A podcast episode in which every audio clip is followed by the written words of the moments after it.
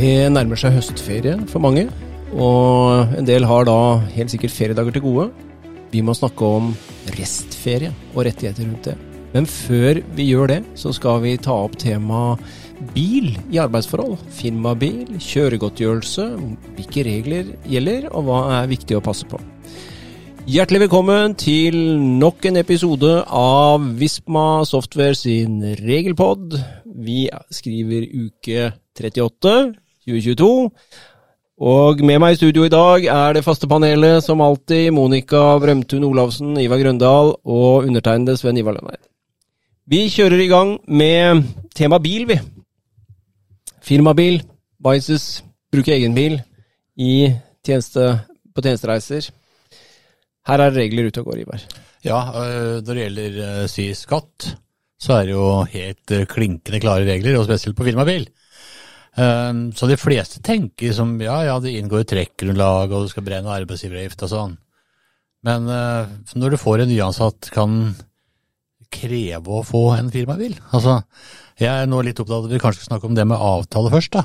Vi kan begynne med avtalen. Ja. Bare si at vi er enige om at vi skal ha en firmabil. Ja. du skal ha en firmabil i vårt arbeidsforhold. Ja, for det er ikke noe lovhjemlig rett at jeg kan kreve det. Nei, det er det ikke. Så det er ikke noe krav på det. Så det er lønn på vanlig måte, men i form av en naturalytelse, som det i dette tilfellet er en bil, gjerne. Kan gjerne se det sånn. Og da skal det være lurt å inngå en avtale om dette her, da, mellom deg og meg, altså arbeidsgiver og arbeidstaker, tenker jeg, som bør ha en del innhold i seg, når, som regulerer dette her med, med firmabilbiten, hvis man først skal ha det. Det er jo, da kan vi jo begynne med partene, Mm. som alltid. Navn på arbeidsgiver og arbeidstaker, så man vet hvem som er part i dette her. Og så handler det om en bil. Da bør vi kanskje angi bilen også. Type bil. Gjerne reg-nummer inn i avtalen. Eh, Og andre ting som måtte være relevant i forhold til selve bilen, kan gjerne stå i avtalen. Ja, for Det kan jo hende at arbeidstaker har litt annen forventning til hva slags bil han eh, skal få, kontra hva arbeidsgiver er villig, da. Ikke sant? Mm.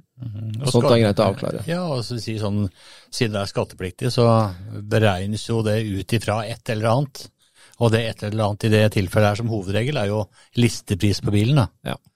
Og da er det kanskje greit at i en sånn avtale står, eh, om ikke et spesifikt bil, men altså innenfor, eh, hva heter sånn Klasse, på en måte. Klasse, på en måte, ja. Sånn du kan også finne ut sånn noenlunde hva er kostnaden for meg som ansatt, da. Ja. I forhold til skatt. Det er greit å bli enige om. Og så må vi jo på en måte få inn navnet på bilens eier. Normalt kan jo det være arbeidsgiver, hvis det er arbeidsgiver som eier bilen, eller er det en leasingbil, så bør man jo også kanskje nevne det, og trekke gjerne en link til leasingavtalen, som jo da også kan legge litt føringer for eh, bilbruken her. Forsikring må vi ha med noe om. Arbeidsgiver vil jo da normalt forsikre denne bilen eh, i en sånn setting, og mm, det er greit å nevne det, og få med de tingene i forhold til forsikringsavtalen som er viktig i forhold til bruk av bilen også. Er det bare arbeidstakeren, eller er det arbeidstakerens familiemedlemmer som skal eh, kunne kjøre denne bilen, osv., osv. Her er det kanskje ikke dumt å få en bekreftelse fra arbeidstaker at dette er lest og forstått. Eh, Så slipper man fremtidige konflikter, fordi det ser vi jo stadig vekk, at eh, man har ikke tenkt på alt når man inngår avtalen, og så kommer konflikten i ettertid. For eksempel, altså en bil trenger jo også vedlikehold. Og én ting er jo service, sånne vanlige servicer på bilen, det er det jo gjerne arbeidsgiver da som står for, som en del av, eh, av pakka man får. Men hva med reparasjoner? Eh, hva hvis f.eks. det skjer en ulykke da, i, eh, under kjøring? Hvem skal da dekke kostnadene for en slik reparasjon? Og hva hvis ulykken skjer ikke i arbeidstiden, men utenfor arbeidstiden? Det kan jo være greit å få regulert ned i, i avtalen på forhånd, så man slipper man det, den problematikken hvis det skulle oppstå. da. Mm. Det tenker jeg kan være smart. Service, reparasjoner, det vil jo måtte følge en firmabil også på vanlig måte som andre biler, og det vil jo sikkert være ja, altså arbeidsgiver som i utgangspunktet er ansvarlig for å følge opp det, men, men det er klart når arbeidstakeren disponerer bilen som en firmabil, så må man kanskje ta inn et lite forbehold i avtalen om at man plikter da å stille bilen til eh, disposisjon når man skal ha den på verksted osv., så videre, sånn at service blir fulgt på vanlig måte. Det kan være greit. Hva hvis, det, hva hvis det skjer en ulykke da? Si at man eh, er ute og kjører på en, kanskje en ferietur, får lov til å disponere den firmabilen når man vil, og får lov til å reise på ferietur med den. Eh, og så er man i en kollisjon, kanskje arbeidstakeren er den som kan bebreides for den kollisjonen. Eh, og så sier arbeidsgiver at jeg, jeg, kan dekke, altså jeg skal dekke det. Denne kostnaden, den dekker vi. Eh, hva med skatt på det eventuelt da, Ivar? Nei, det er det som vedhefter selve bilen, hvem som er ansvarlig i eventuell ulykke. Eh, Det har ingen betydning i forhold til det skattepliktige. Så alle kostnader, både si service, forsikringer, det som vedhefter si bilen fysisk, det er en del av sin skattepliktige fordelen. Så det blir ikke noe økt skattepliktig fordel, sjøl om arbeidsgiver dekker en eh, reparasjon uh, forårsaka av en, en kollisjon som den ansatte sjøl har eh, ansvaret for. Ja. Men om arbeidsgiver skal dekke det, det er noe annet. Ja, og det er, sier, det er jo greit å ha med i avtalen til å begynne med, så slipper man den problematikken når det kommer. For da, da fjerner man egentlig den konflikten allerede ved inngåelsen av avtalen, og det er alltid fornuftig. Mm. Her kan det være litt, eh, Jeg tenker jo at i utgangspunktet bruker man jo forsikringen som er på bilen, og så tar arbeidsgiver og dekker egenandelen under- ved den type situasjoner. da. Men uh, hvis det da er grovt uaktsomt av arbeidstakeren det som har skjedd, og man er skyld i ulykken, så kan man jo vurdere regress mot arbeidstakeren fra arbeidsgivers side Mm. i sånne situasjoner. Men det må jo bli en konkret vurdering som man gjør ut fra det tilfellet som oppstår til enhver tid. Uh, om det er grunnlag for det eller ikke, tenker jeg. Uh, Så tenker jeg sånn skattemessig, hvis du tenker en helt ordinær firmabil og du har sjablongbeskatning, så er det jo eh, om du kjører eh, 1000 km privat eller 20 000 km privat, så er det akkurat samme beskatning. Eh, Der opplever vi noen ganger at vi får spørsmål om kan vi sette, begre kan vi sette begrensning på hvor mye en ansatt kan kjøre privat. Og nå snakker vi liksom om avtale skatterettslig, det har jo det ingen betydning. Mm. Men sånn avtalemessig Det kan man, tenker jeg.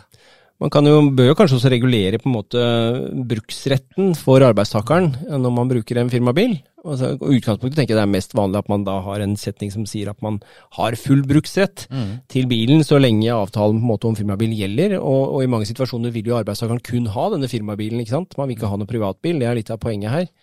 Eh, for å slippe det. Og da bør man jo sikre seg at man har full bruksrett også til å bruke den privat i utgangspunktet. Jeg tenker liksom, eh, Ja, vi kommer til sommeren, og noen setter seg på et fly, noen setter seg på en båt, noen liker å kjøre bil. Ja. Og så har du firmabilen tenker at du, den der leiligheten der i Spania, skal vi kjøre, vi, vi kjører bil? For det er gratis. Mm. Jeg skatter jo bare av eh, samme verdien hver måned uansett. Mm. Så vi setter oss i bilen, og så kjører vi til Sør-Spania. Mm. Ja, det er jo en kostnad det, da. Ja, og da kan man jo ta forbehold om driftskostnader utover det som på en måte er en, eh, et snitt av, av det man har i ukeskjøring, da. Eh, Og si at utover det så må arbeidstakeren dekke det privat. Men det bør stå i avtalen. ikke Det sant? bør man ta inn et forbehold med i Mm. avtalen, hvis ikke så vil ikke eller den biten gjelde. Så legg begrensninger der man finner det fornuftig, knyttet til privatbruk. Det tenker jeg er fornuftig. Og at uh, privatbruk da, sånn som du er inne på da, ved lange ferier f.eks., at man da må dekke driftskostnader til bilen selv som ansatt i en sånn setting. Det tenker jeg kan være en fin måte å gjøre det på. Apropos privatbruk, hva, hva hvis man får en bot, da? Ja, Det kan jo for så vidt skje både hvis du kjører i arbeidstiden, men også utenfor. Det, det er jo forskjellige typer bøter, men si du får en parkeringsbot eller en fartsbot. Eh, hvem skal betale for den? Ja, si det. Det, jo, det må jo være arbeidstakers ansvar når man parkerer feil, og å dekke det. Og så kan det jo rent praktisk være sånn at dette kommer inn på den som bilen er registrert på, men arbeidsgiver da eventuelt eh, innfrir den. Men da vil jeg jo selvsagt være sånn at man kan kreve regress på den type ting som arbeidstakeren eh, selvforskyldt har eh, skaffet av eh, den type bøter, da, tenker jeg. Jeg tenker sånn som fartsbot, så er vel det her ganske greit regulert, er det ikke det? Det er sjåføren som alltid ans- Altså så lenge sjåføren kan identifiseres, Ja. så er det alltid sjåføren som har ansvaret. Ja. Uh, men vi kan jo si i noen tilfeller så velger kanskje arbeidsgiver å betale den bota, da.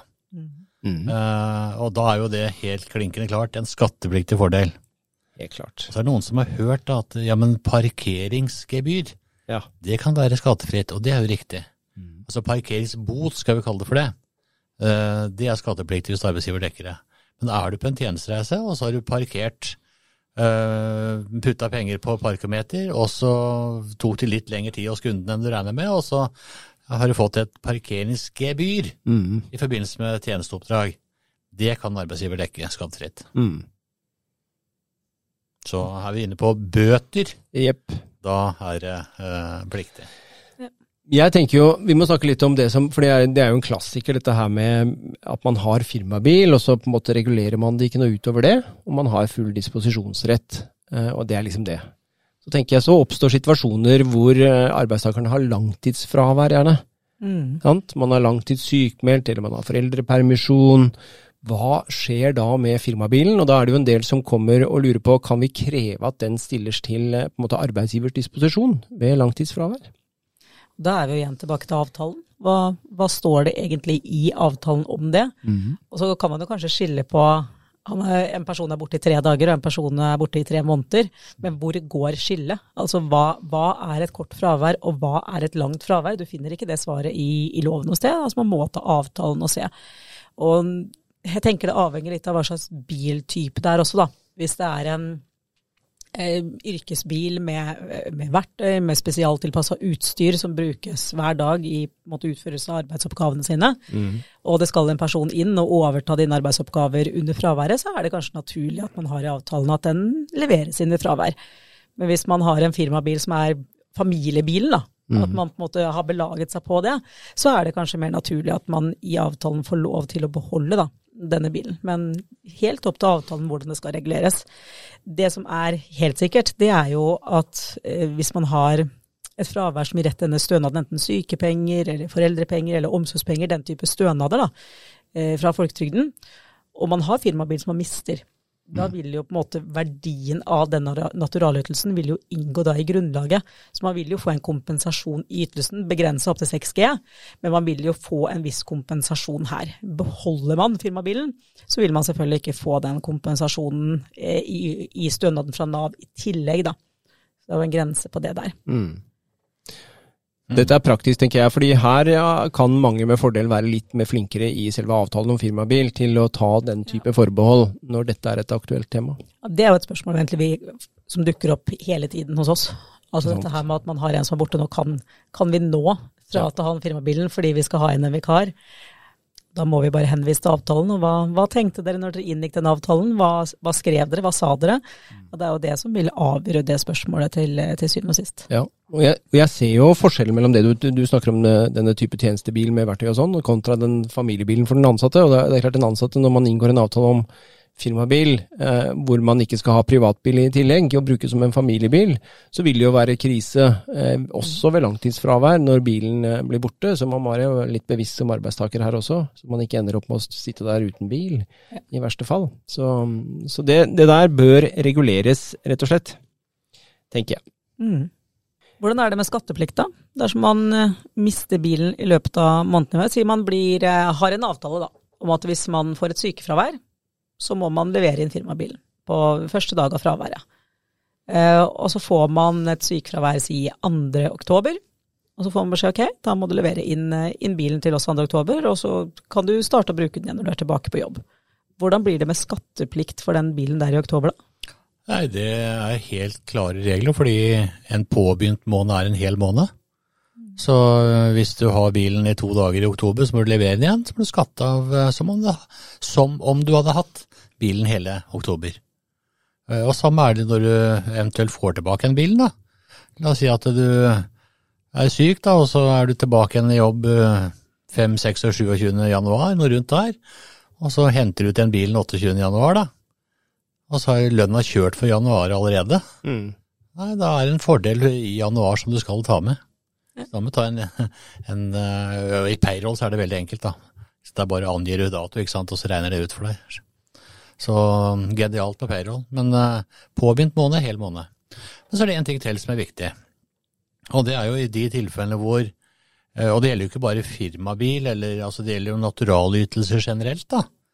Eh, I de tilfeller hvor, hvor ansatt får sykepenger eller foreldrepenger, altså ytelser direkte fra Nav, og så opprettholder man å ha naturalytelser. Veldig vanlig, i hvert fall på EK-tjeneste. Forsikringsordninger osv. Eh, men da er det ikke noe lønn til å trekke forskuddstrekk i. Altså Fordelen på naturalytelsene de løper jo hver måned og skal innberettes i avmeldinger hver måned, men det er ikke noe lønn å trekke forskuddstrekkene av. Da har arbeidsgiver eh, plikt på seg til å oppgi det. Og da er det eget skjema, RF 1306 hvis jeg ikke husker feil, eh, som det skal oppgis i. Altså det er kontaktskjema heter det. Eh, det ligger på skatteetaten.no. Eh, og da er det hvem personen det gjelder, altså fødselsnummer, eh, navn, og at det gjelder naturalytelseverdi, og det ikke er midler til å trekke i. Og da vil jo skatteetaten enten skrive ut nytt skattekort, eventuelt ved om eh, at den som har firmabilen eller naturalytelsene, innbetaler et forskuddsskatt. Så det er ganske strengt, så arbeidsgiver har opplysningsplikten i de tilfellene der. Ja, for det er arbeidsgiver som har plikten å sende en skjema, ikke sant. Det er ikke noe arbeidstakeren skal gjøre, det er arbeidsgiver som vil det ha den plikten. Det er arbeidsgiver som har plikten. Men tilbake til med, med firmabil og valg av firmabil, da. Fordi hva hvis arbeidsgiver plutselig pålegger en ansatt å bytte firmabil? Eh, og vi har jo vært borti saker med protester både når arbeidsgiver ønsker å bytte til en billigere firmabil, men også når man ønsker å bytte til en dyrere firmabil. F.eks. for eksempel så kan det være at en arbeidsgiver ønsker en grønnere profil, og vil ha alle over på elbiler. Kan man pålegge det? Godt spørsmål. Eh, Jeg tenker jo at eh, hvis det er viktig for arbeidstakeren i utgangspunktet type bil man skal ha, eh, så bør man ta et forbehold at man skal ha det i en gitt angitt periode i selve avtalen. Så man er garantert på en måte i den perioden så har jeg denne bilen. Eh, Hvis man ikke gjør det, og det er kanskje det mest vanlige at man ikke gjør, eh, og arbeidsgiver er den som på en måte eier bilen og står for eh, firmabilbiten, så tenker jeg at arbeidsgiver også vil kunne eh, pålegge en ansatt en annen firmabil, eh, dersom arbeidsgiver har gode argumenter for det underveis i en sånn periode. Så jeg tenker budskapet må være ta forbehold inn i avtalen, arbeidstaker også, eh, om at hvis man har én spesiell bil man absolutt vil ha. Ja. Hvorfor kommer protestene? For eksempel, vi har jo sett protester som har kommet når arbeidsgiver faktisk vil bytte til en dyrere bil, og arbeidstakeren har satt seg litt på bakbena. Og, hvorfor tenker du det, Ivar? Hvorfor har han protestert mot å få en dyrere bil? Nei, altså det å få ny bil syns vel de fleste er veldig ålreit. Eh, men det er klart, jo dyrere bilen er, jo høyere blir den skattepliktige fordelen. Så det er nok eh, det som ligger bak at nei, jeg vil ikke ha ny bil, det blir for mye skatt. Ja, den ser vi. Jeg tenker dette er en administrativ ordning som arbeidsgiver stiller til disposisjon, og som i stor grad arbeidsgiver kan styre i utgangspunktet. Og så får man på en måte passe på å ta forbehold i avtalen hvis man eh, har sterke meninger rundt det. Det som egentlig er mantraet vårt hele veien her, det er jo avtalen. Og, og tenk på ting på forhånd. Altså ikke ta tingene når, når problematikken oppstår, da. Men både dette med gode avtaler og dette med god kommunikasjon. Vi var jo inne på det med forsikringsvilkår, f.eks. Hva hvis forsikringsvilkårene sier at man ikke kan ha sjåfører under 25 år, da? Og det ikke er kommunisert ut til arbeidstakeren, eller ikke pålagt noen plikt til å på en måte sette seg inn i forsikringsvilkårene, og så skjer det en ulykke når man har en, har en sjåfør da, på under 25 år. Kanskje man har øvelseskjøring med et av barna i familien f.eks., og hva, hva da? Så god kommunikasjon og god avtale. Poden, poden ringer hjem til far og sier du, eh, firmabilen din er ikke noe mer. Han ligger nede i elva. Og huff a meg. Ja. Får håpe det går bra med poden, og så får vi fikse firmabilen. Ja. En annen ting også som vi kanskje kan se litt på før vi går opp på det med kjøregodtgjørelse, det er jo i den digitale verden vi lever nå, så har man jo muligheter til å spore veldig mye. Altså Vi ser jo at eh, barn f.eks. bruker sånne smartklokker som foreldrene kan eh, spore barna på. Men man har vel mulighet til noen sporinger i disse firmabilene også. Hvordan, hvordan skal man egentlig håndtere det, og hva er det man får lov til å utføre av sporing og ikke?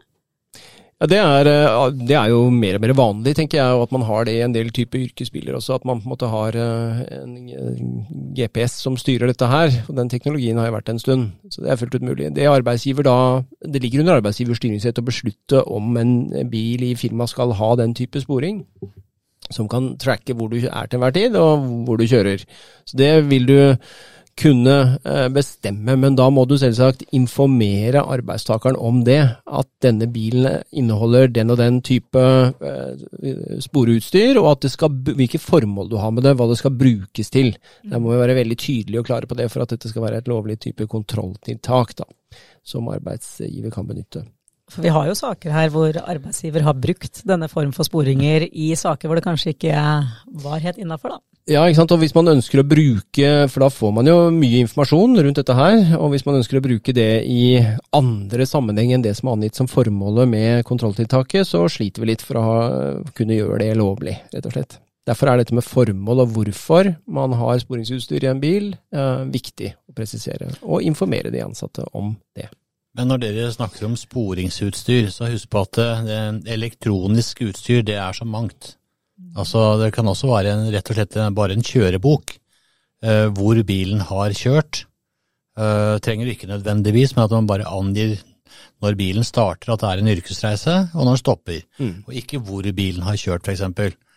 Uh, og så har du jo, uh, og det, det, må man jo ha hvis, hvis du skal ha kilometerbeskatning på en yrkesbil. Mm. Altså ikke bruker sjablongen, men bruker kilometerbeskatning. Og da er det jo det som er privatkjørte kilometer, eh, skatteslegges med 3,40 per kilometer. Og det er jo mye rimeligere Eh, enn en sjablongbeskatning. Nå er jo det helt avhengig av eh, listepris på bilen, en sjablong, eh, og det er det jo ikke på kilometer. Da er det som 340 uansett. Men uh, har du en, en, listepris i utgangspunktet på la oss si 400 000-500 000, så skal du opp i altså en, mye over 20 000 privatkjørte kilometer før det lønner seg å ha sjablong. Mm. Um, så veldig mange har installert elektronisk kjørebok nettopp fordi at det blir rimeligere for arbeidstaker. Og så vil jo arbeidsgiver, selv om det er kostnader til elektronisk kjørebok, spare arbeidsgiveravgift, fordi fordelen kanskje er mange, mange tusen eh, lavere. Da. Lavere, ja. Um, og så husker jeg en gang vi var snakk om det med, med si, si sporingssystem, da. Uh, og da var det en som sa um, Det var kanskje deg, herr Jeg husker Det ikke. Men det var uh, sånn Heter det samtid eller samtids? Uh, altså hvor er bilen nå? Så kan du se på et kart. Mm. Der er bilen nå.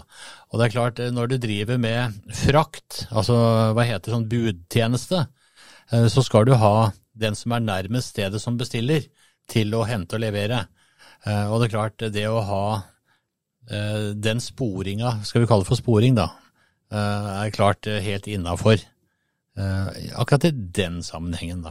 Så det å styre kjøreflåten din mest effektivt kan det være et godt formål og et godt argument for å innføre en sånn type teknologi. da. Men bare at det med sporing er så mangt, da. Mm. Ja. La oss uh, si at det var det når det gjelder firmabil, og bevege oss over i den andre varianten. da. Uh, at jeg bruker privatbil uh, i jobbsammenheng, og ønsker meg da selvsagt kjøregodtgjørelse for den delen jeg bruker i jobb.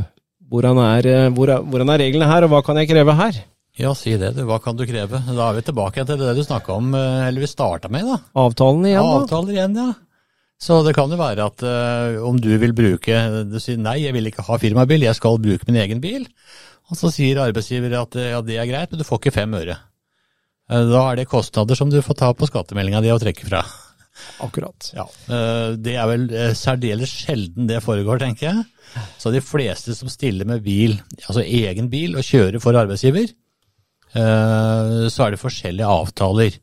Men du har jo statens særavtale, altså som er en avtale mellom staten som arbeidsgiver og øh, de yrkesorganisasjonene, LO Stat osv., mm. øh, hvor man har en sats på fire kroner og tre øre per kilometer per nu. Vi regner med at den blir høyere neste år, men vi får se. Ja. Uh, og følger man det, altså de som er ansatt i staten, har jo krav på det. Uh, og så ser vi at enkelte privatbedrifter følger skistatens særavtale, også da satsen 403. Uh, mens andre sier nei. Uh, hos oss, uh, satsen du får hos oss, det er den som er trekkfri. Altså skattefri sats som er 350. Og dette er helt uavhengig av om det er dieselbil eller elbil eller bensinbil. Så jeg pleier jo alltid når vi snakker om dette her, dette er det tosporede systemet når vi snakker om utgiftsgodtgjørelser. Punkt én. Hva en ansatt skal ha, er basert på avtale. Punkt to, ja, da har man Det er det som er vår avtale hva av utleggene her, eller det vil si hva av utgiftsgodtgjørelsene, kan du få trekkfritt? Hva er vilkår for å få det trekkfritt? Så liksom det er et tosporsystem. Avtale først, skatteregler etterpå. Mm. Så hvis man vil, så kan man si at du får 15 kroner per kilometer i kilometergodtgjørelse. Det er helt innafor på avtalemessig, men du kan ikke øke den delen som knytter seg til skatt, kan du vel ikke øke via en avtale i virksomheten? 350 uansett som er skattefritt, og så kan du gi 1000 kroner kilometeren hvis du ønsker det. Ja, Det er en god avtale. Men spørsmålet er jo da, gjør du det istedenfor å betale ordinær lønn? Da går vi på personalpolitikk igjen, er vi ikke det? Ja. Det jeg tenker, den, den, biten her vil jo, det handler stort sett om utgiftsdekning som arbeidstakeren har i forbindelse med utførelsen av jobben sin. og det er klart, Da er du, tenker jeg også under arbeidsgivers styring så beslutte man, hvilken modell man velger for det. da, Og endre det for så vidt underveis i utgangspunktet. Ja. Så lenge det er det det er snakk om, og ikke et lønnselement. For det er verre hvis vi skal begynne å endre det gjensidig. Men hovedpoenget som vi har starta med, det er avtale, avtale, avtale. Få det inn i avtalen. Apropos avtale, det vi også avtaler på spørsmålet spørsmål om, er jo har man krav på å få dekka bom? Hvis det er eh, bompenger da, under kjøreturen, har man krav på å få dekka det i tillegg da, til kilometergodtgjørelsen? Og da er vel lov på det samme, er vi ikke det? Da er vi akkurat på samme. Samme også gjelder eh, parkering, da. Mm. Eh, og hvis du går tilbake til firmabil, det med bompassering og parkering, det er ikke en del av firmabilbeskatningen. Så hvis arbeidsgiver dekker si private bompasseringer, dekker eh, privat parkering, eh, så kommer det i tillegg til beskatningen på firmabil. Hva som er klar over det. Eh, Og er det tjenestelige passeringer og eh, bom og tjenestelig eh, parkering, så kan jo arbeidsgiver dekke det selvfølgelig skattefritt når man har firmabil. Og samme prinsipp er det jo når det gjelder en utgiftsgodtgjørelse. Men om man skal få dekke bomkostnader, det er også i forhold til avtalen. Men jeg bare slo opp på den derre eh, et eller annet bompasseringer, mm, googla, eh, og se hva koster det i bom- og ferjekostnader hvis du skal kjøre fra Stavanger til Molde. 740 kroner. Ja. Altså 1500 kroner tur-retur. Jeg tror ikke så mange ansatte hadde tatt den turen uten å få dekka de kostnadene. Nei. Jeg tror ikke det hadde bare holdt med 350 kjøregodtgjørelse eller 401, 403 da. Så de i fleste tilfellene så dekker nok arbeidsgiver altså bom- og parkeringskostnader, tenker jeg. Men Nå har vi snakka mye om bil, da. Men er bil det eneste transportmiddelet man kan få dekka? Nei, det er faktisk ikke det. Det kommer helt an på avtaler igjen, da. Men det statens særavtaler, der er jo også båt med motor. Eh, Er det 750 per kilometer? Eh, Det er snøscooter og ATV som er 10 kroner per kilometer. Men skattereglene henger fortsatt på 750 som det var tidligere. Så er det noen som uh, bruker snøscooter eller ATV, så kan de etter særavtalen kreve 10 kroner. Ja. Så man følger den avtalen, men det er 750 som er fritt. Så det blir på samme måten som med, med bil, altså du har en pliktig del og en fridel. Hvis du rykker ut med elsparkesykkelen din, da. Det er jo men, noen her så urbant som driver med det, vet du. Elsparkesykkel, ja, eller elsykkel, ja. Ja. eh, man skulle jo tro at det er eh, et eller annet uh, flyttbar innretning uh, med motor, som de kaller det. Men den motoren her teller ikke med. Nei. Så elsparkesykkel eller elsykkel, eh, det teller ikke med. Så da du må over på moped, altså. Akkurat. Moped eller motorsykkel. Hvordan er dokumentasjonen her, da? Få ting skattefritt, hva, hva kreves av dokumentasjon? Ja, Da er vi over på skattebetalingsforskriften 5612, eh, hvor det er angitt eh, hva en reiseregning minst skal inneholde. Og liksom, Da har du navn, adresse, underskrift. Hvis på utgangspunktet så er det en papirutskrift som du skal signere med kulepenn. Men så har man akseptert at eh, verden har gått videre. Elektro, elektroniske underskrifter. eh, og hvis, eh, hvis man etter Expense f.eks., som de fleste da bruker, er satt opp slik at det er unik pålogging. Altså, Sven Ivar, du kan ikke føre min reiseregning. Nei. Da måtte du eventuelt fått mitt, eh, min pålogging og logge deg på som meg, da. Men eh, jeg må gjøre det sjæl. Og i tillegg, når jeg da har sendt den til godkjenning eller til attestering, så kan det ikke gjøres endringer av andre. Da må den sendes tilbake igjen til meg for å gjøre endringer. Altså De endringene man kan gjøre, det er f.eks. på kostnadsbæret. Hvis de hadde ført på feil prosjekt eller feil avdeling osv. Det kan korrigeres. Men ikke noe av det som medfører endringer på utbetalinger eller beregninger.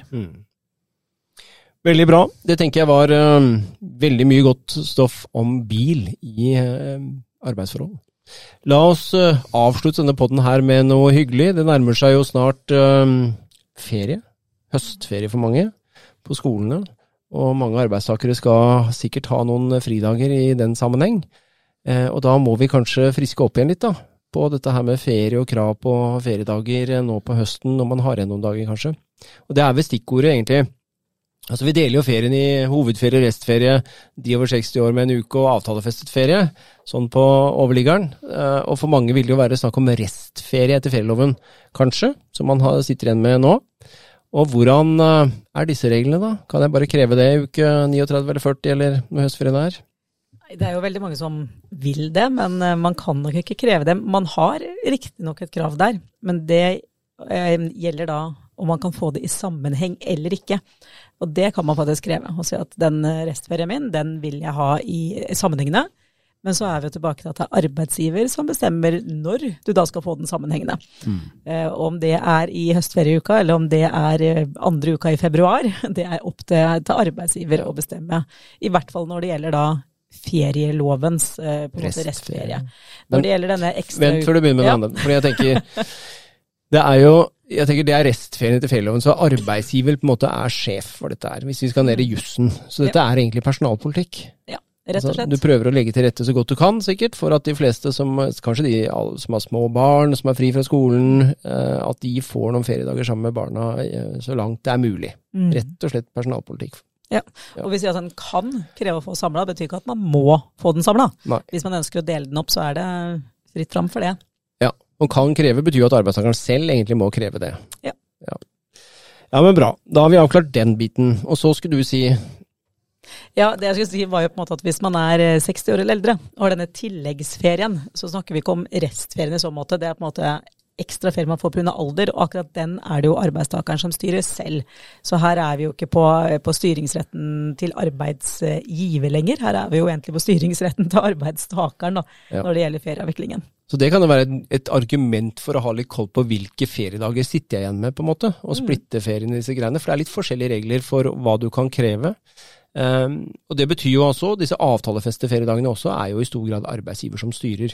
Der gjelder jo ikke ferieloven, men det kan jo være at man sitter igjen med noen av de, da. Eh, og da er vel egentlig utgangspunktet at arbeidsgiver er den som bestemmer når på året du får det òg. Ja. det, men da er vi egentlig tilbake til mantraet vårt for dagen, føler jeg. At det er jo avtalen eh, som styrer, men mange velger å knytte seg opp til ferielovens bestemmelser på disse avtalefesta dagene også. Um, og restferien etter ferieloven er jo én uke og én dag. Um, hvis man tenker sånn femdagersuke, da, så er jo de avtalefestedagene er jo da fire dager. Så totalt i sum så er vi egentlig oppe på to uker med restferie. Hvis man snakker om eh, ferielov pluss avtalefesta opptil fem uker.